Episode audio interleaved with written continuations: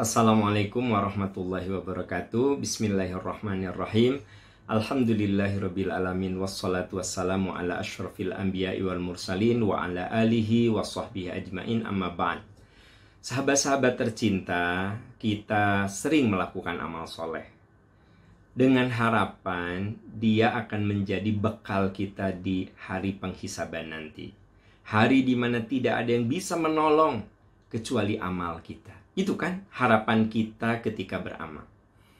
Namun, ada sebuah peringatan yang harus kita perhatikan yang tercantum di dalam Al-Quran surat Muhammad ayat 33. A'udzu billahi minasyaitonir rajim ya ayyuhalladzina amanu atiullaha wa atiur rasul wa tubtilu a'malakum.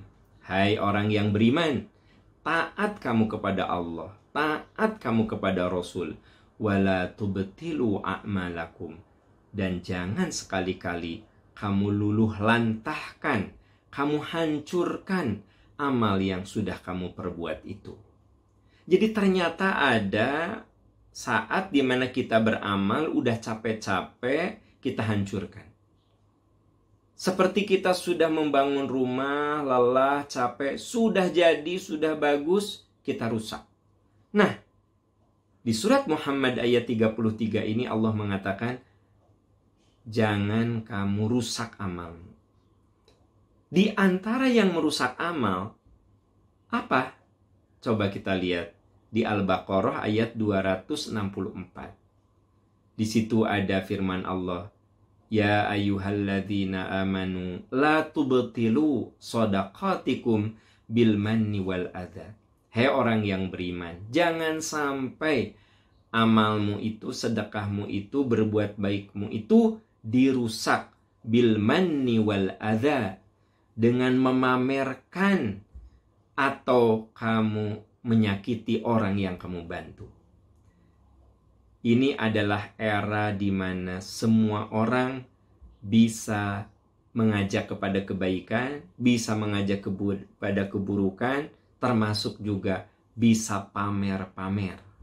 Nah ini sahabat-sahabat tercinta yang harus diwaspadai. Tidak sedikit orang menulis di status WA, status Facebook. Dia bilang gini, Alhamdulillah, ya Allah, nikmat sekali hamba malam ini tahajud. Dia tulis di status WA status Facebook, bahkan dia tulis di eh, media-media uh, yang lainnya. Ini seperti sepele sahabat-sahabat sekalian. Tapi ingat, firman Allah di Al-Baqarah ayat 264 tadi, La tubtilu sadaqatikum bil manni wal adha. Jangan kamu rusak, hancurkan kebaikanmu itu dengan pamer. Nah, pertanyaannya, Gimana kalau niat kita bukan pamer, niat kita ngajak orang lain untuk berbuat yang sama? Ya tentu saja kembali lagi kepada niat kita. Kalau ada unsur mengajak, tidak apa-apa. Kita misalnya memamerkan dengan teman-teman kita sedang membantu orang-orang yang berkekurangan. Tidak bermaksud menghinakan orang itu, tetapi kita mengajak sahabat-sahabat kita yang belum terbersit untuk ikut, ya tentu tidak apa-apa. Ada unsur mengajak, ya. Tapi masalahnya kan kalau kita cerita, ya Allah nikmat sekali tahajud malam ini, kan tidak ada unsur mengajak.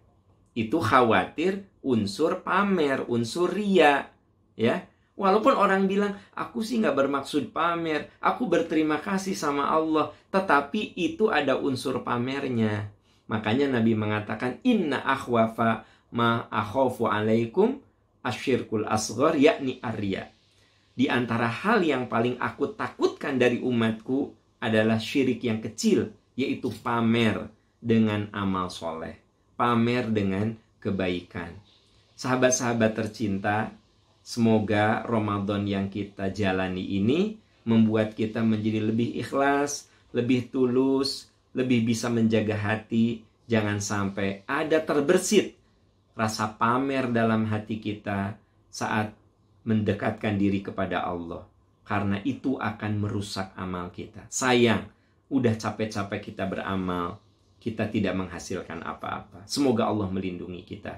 Selamat menunaikan ibadah saum. Semoga Allah memberkahi. Subhanaka Allahumma wa bihamdika asyhadu an la ilaha illa anta astaghfiruka wa atubu ilaik. Walhamdulillahi alamin. Wassalamualaikum warahmatullahi wabarakatuh.